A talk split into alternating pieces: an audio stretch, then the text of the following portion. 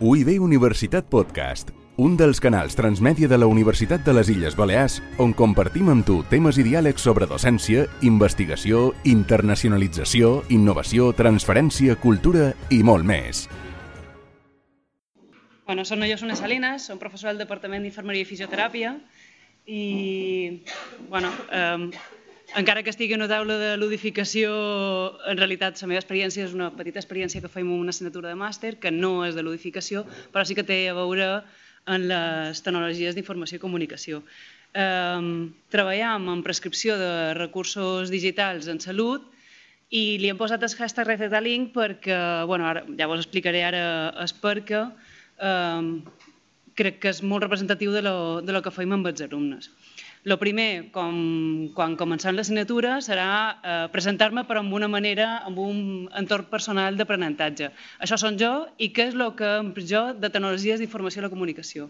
Nosaltres, els nostres alumnes, els fem presentar-se així a l'assignatura per fer-se conscient de què empren i què no de tecnologies d'informació i la comunicació eh, relatius. Ells els hi fem que facin un només, nosaltres com a professores els hi fem fer, o, o nosaltres ens presentem en dos, amb el professional, que és el que emprem en la nostra vida professional com a professores o com a cercant informació de salut, en el nostre cas, i, i el personal i que és el que emprem i que no en el dia a dia de tecnologies de la informació i la comunicació.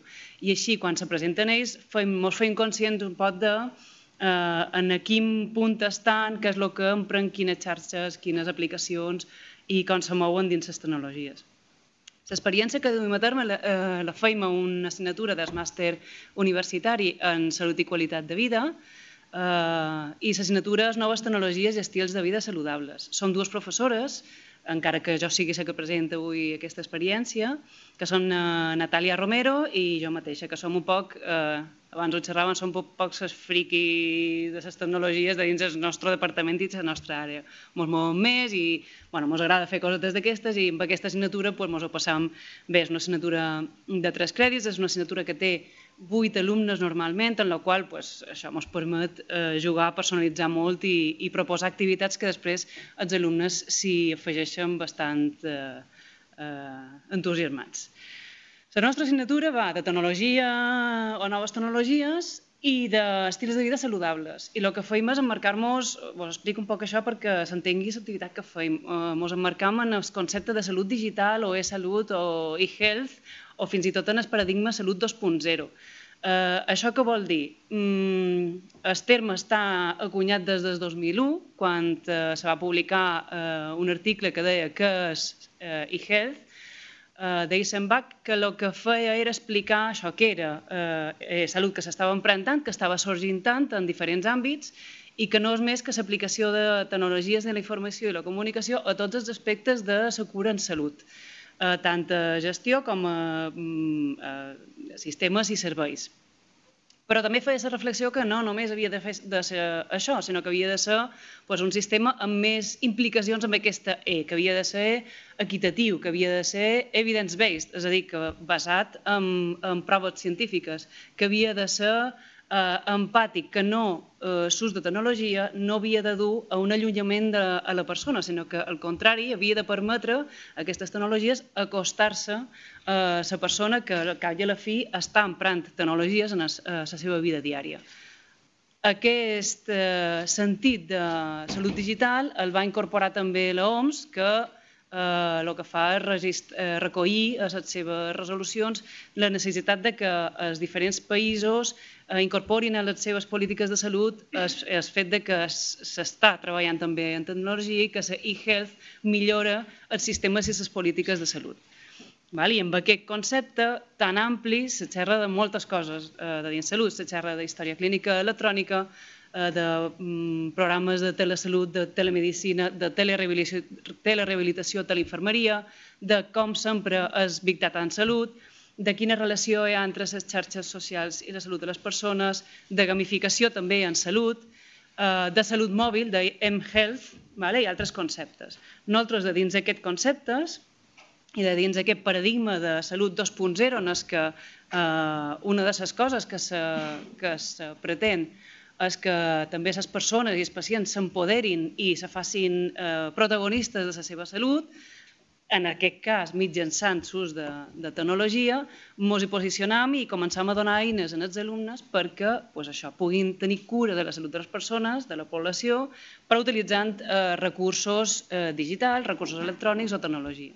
En el nostre cas, eh, a l'assignatura ens hi centram com que estem fent feina amb estils de vida saludables, i estils de vida saludables serien tots aquells que fan referència a activitat física i evitació de sedentarisme, tot allò que fa referència a, alimentació i dieta saludable, tot això que fa referència a un bon descans, a un benestar emocional i a una a, evitació d'hàbits tòxics, eh, relacionant tot el que és eh, estils de vida saludables, que en principi aniria destinat a població i general i no a pacients, i recollint tot el que estàvem xerrant de paradigma de salut 2.0, varen començar a fer feina amb activitats que eh, facin que els nostres alumnes proposin o analitzin recursos que hi ha, però mm, vinculant-los en la salut de les, eh, de les persones. Eh, a la nostra assignatura fem feina amb informació que hi ha damunt eh, estils de vida saludables a les xarxes, eh, a internet, eh, amb fem feina amb wearables, fem feina amb tot el que són eh, videojocs que poden ajudar a promoure estils de vida saludable, com són els exer games, és a dir, tots aquests jocs que te fan fer exercici físic. Eh, treballem també això, les xarxes socials i com se poden fer programes de promoció de la salut i dels estils de vida saludables dins els, eh, diferents xarxes socials en les seves característiques, que algunes pues, eh, faciliten més la tasca i altres no. Eh, tenint en compte que la població és una població que ja està connectada, que ja cerca temes de salut a internet i que ja està allà. Per tant, eh, fem responsable també en els nostres alumnes, que són normalment eh, personal relacionat amb la salut, ja sigui personal sanitari, són eh, infermeres, són fisioterapeutes, hi ha psicòlegs, hi ha gent de eh, CAFIT també, i clar, tots tenen un cert protagonisme d'una o una altra manera en la salut de les persones, en la qual els fem eh, responsables de que eh, també puguin aportar a la salut de les persones des de eh, gestionar recursos que hi ha a la xarxa. Sabem que les persones ja estan eh, utilitzant noves tecnologies, la població espanyola, més del 60% de la població espanyola enquestada, tenim dades de 2017, eh, eh, consultava qüestions eh, de salut a internet i fixeu-vos per què ho, ho utilitzaven. Ho utilitzaven per qüestions de nutrició, alimentació i estils de vida saludable, el primer de tot, en la qual, en aquest sentit, va ser que varen dissenyar la nostra activitat. Volem eh, eh, dirigir a les persones o orientar-les damunt què és el que hi ha eh, de recursos digitals, però què és el que hi ha de qualitat, perquè allà de fora hi ha de tot, hi ha infoxicació, o, ara, o, bueno, o hem estat xerrant, hi ha recursos de tot tipus i colors i no necessàriament són eh, benefici, eh, mm, aporten beneficis a la salut de les persones, en la qual el que feim és, amb aquesta responsabilitat que tenen els nostres alumnes o que tindran en les seves competències professionals damunt la salut de les persones, que avaluïn i identifiquin recursos digitals que sí que són de qualitat i fiables per la salut de les poblacions.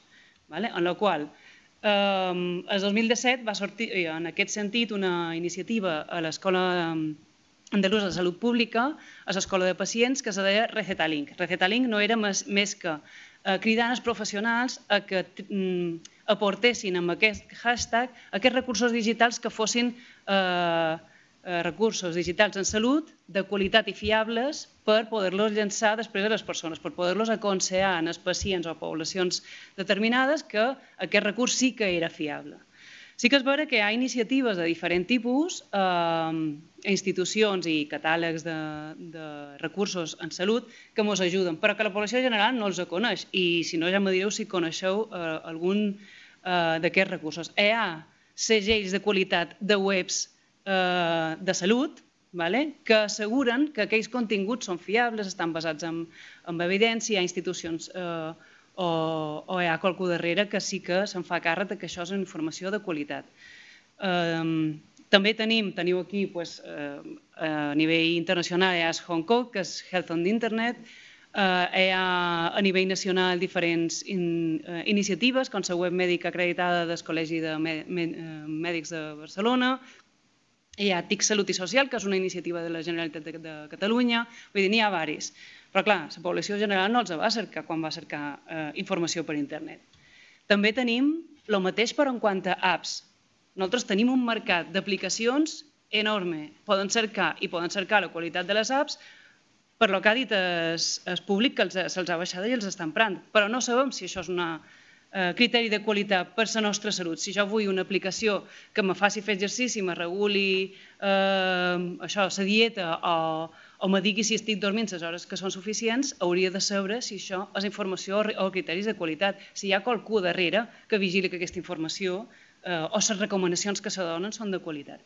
I aquí, el mateix, hi ha catàlegs d'aplicacions saludables, hi ha segells, però la població general no els coneix. En la qual aquesta és iniciativa que els hi van dir als alumnes que havien de fer. Havien de, dins l'activitat, una de les activitats de la nostra assignatura és que analitzin un recurs digital en salut, trien una població, trien un estil saludable i amb aquesta informació els hi aconsellen, trien un, un recurs digital i l'analitzen eh, com si fos que l'haguessin de recomanar per a aquesta població o per, a, eh, per fomentar aquest estil de vida saludable. Què és el que, fe, què és el que fan? Pues trien, bueno, pues jo vull triar, eh, vull veure una aplicació o una web que faci referència a promoció d'activitat física en el dia a dia o fins i tot monitorització d'activitat física i ho vull fer amb persones majors de 65 anys perquè, jo què sé, té relació amb prevenció de caigudes. Perfecte, això ho fan, però han de veure, primer, quina, quins recursos hi ha, si eh, són adequats en el format a la població destinatària, és a dir, si jo tenc, eh, si vaig eh, pensant en franges d'edat de 40 a 60 anys, a lo millor una tablet sí que és adequada com a format d'accés a una aplicació, però si estic pensant en persones majors de 65 ja no, perquè les dades ens diuen que no l'empren tant, en la qual han de triar eh, el recurs i el format en el qual se presenta, eh, han d'aplicar els criteris eh, publicats en les eines que els hi han donat dels diferents catàlegs o els diferents segells de qualitat, sigui web o sigui aplicació, i a partir d'aquí analitzen el recurs que han triat i diuen si això ho recomanarien en aquesta població o no i per què. Vale? En la qual eh, aquesta activitat l'han fet un parell d'anys, l'han fet en el curs, la van fer en el 14-15 una vegada que se va activar l'assignatura, abans de que hi hagués el projecte que és de Receta Link, però l'han recuperat a la assignatura en el de 7 de 8, la varen començar, vinculada també en aquest projecte de Receta Link, però és vera que després el projecte de Receta Link no ha anat cap allà, però nosaltres hem seguit amb aquesta assignatura, amb aquesta activitat, perquè pensam que és interessant com a competència professional de dins el món de, de la salut 2.0. I també l'hem feta, eh, ara eh, just hem acabat l'assignatura, en el 2018 de nou.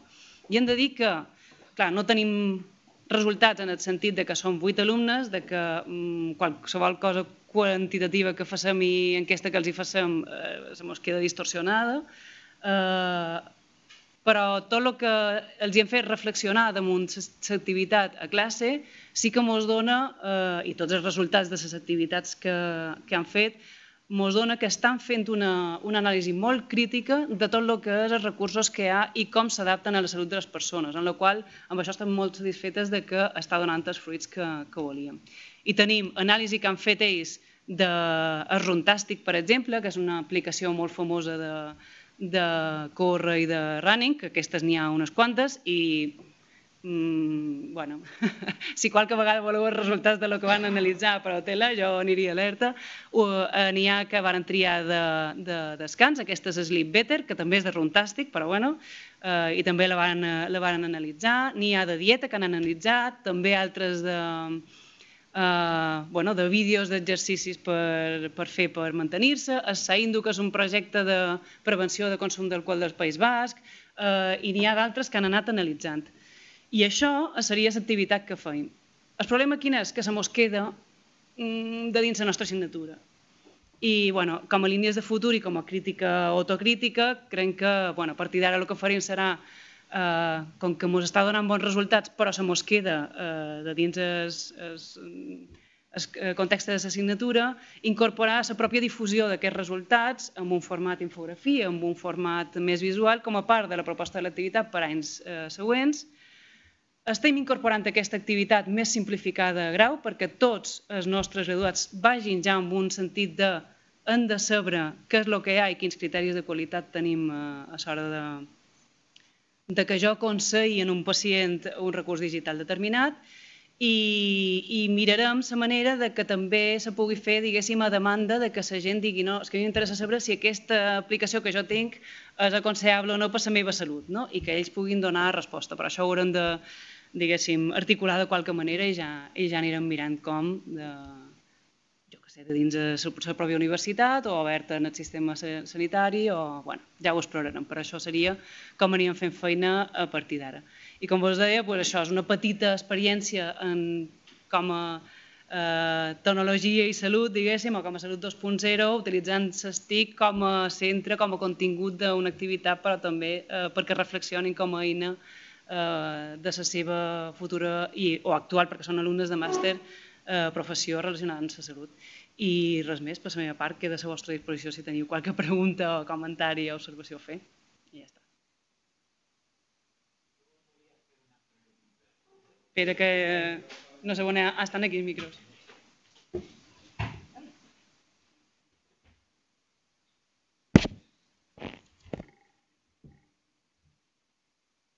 no... És que me, sé si funciona això. Sí? sí? És que m'ha paregut molt interessant aquesta idea de, de les APP i, i fer tota una investigació si aquestes APP són, són profitoses o no. Eh, jo he traslladat aquesta idea, jo sóc professor d'anglès, he traslladat la, la idea um, a, a tantes apps que n'hi ha actualment per, per l'aprenentatge de l'anglès. Ja? I, I volia preguntar-te com, com tu, um, quins criteris d'avaluació d'aquestes apps uh, proposes?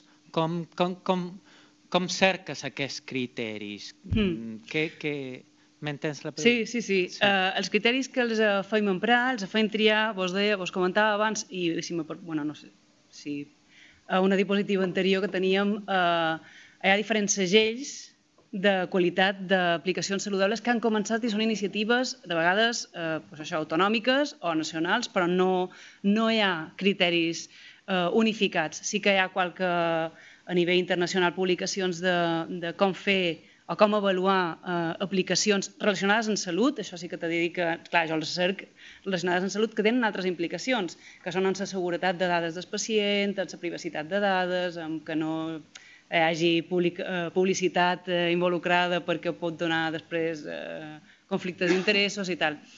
Nosaltres eh, tenim identificades eines que recomanen, o sigui, són recomanacions per crear aplicacions, però també són catàlegs d'aplicacions que han passat uns criteris uh, i, clar, estan públics aquests criteris i els afeim als alumnes aplicar aquests criteris que estan públics i que després seran els que amb una aplicació determinada sí que, uh, sí que s'aplicaran, en la qual tenim eh, eines com per fer-los... Eh, poden en triar quina... En el meu cas pot ser que sigui una mica més difícil sí, hauries de... tipus de criteris, sí, sí. no? N'hi ha més generals, clar, normalment hi ha criteris i recomanacions que serien comunes a qualsevol àmbit d'aplicacions que te puguis trobar, o sigui, en la seguretat, en sa... pues que hi hagi un servei tècnic o qualcú de referència sempre que te pugui resoldre dubtes, que, eh, jo que sé, que si hi ha publicitat o estigui, t'ho digui i t'avisi, Vull dir que en, en això qui desenvolupa apps segurament hi ha elements comuns a tots els, els criteris d'aplicacions. Però clar, en el nostre cas tenim eines específiques encara que són variades i que ja els hi no hi ha una unificada, però hi ha, hi ha eines, el que passa que això tenen criteris molt concrets de, de protecció de la salut i de les dades de les persones eh, amb la qual no te puc ajudar més, són molt específiques. Moltes Però bueno, se podria traslladar alguns dels, dels criteris. Eh? Jo, si vols te passes eh, les recomanacions, perquè més estan publicades, més simplificades eh, a pàgina web, amb infografies perquè ho puguis veure de manera més panoràmica. Vull dir que la informació està, està pública i està a l'abast de qualsevol persona. Gràcies. Vale? De res. No sé si teniu més... No sé si hi ha més preguntes. Vàlida, moltes gràcies. UIB Universitat Podcast, un dels canals transmèdia de la Universitat de les Illes Balears on compartim amb tu temes i diàlegs sobre docència, investigació, internacionalització, innovació, transferència, cultura i molt més.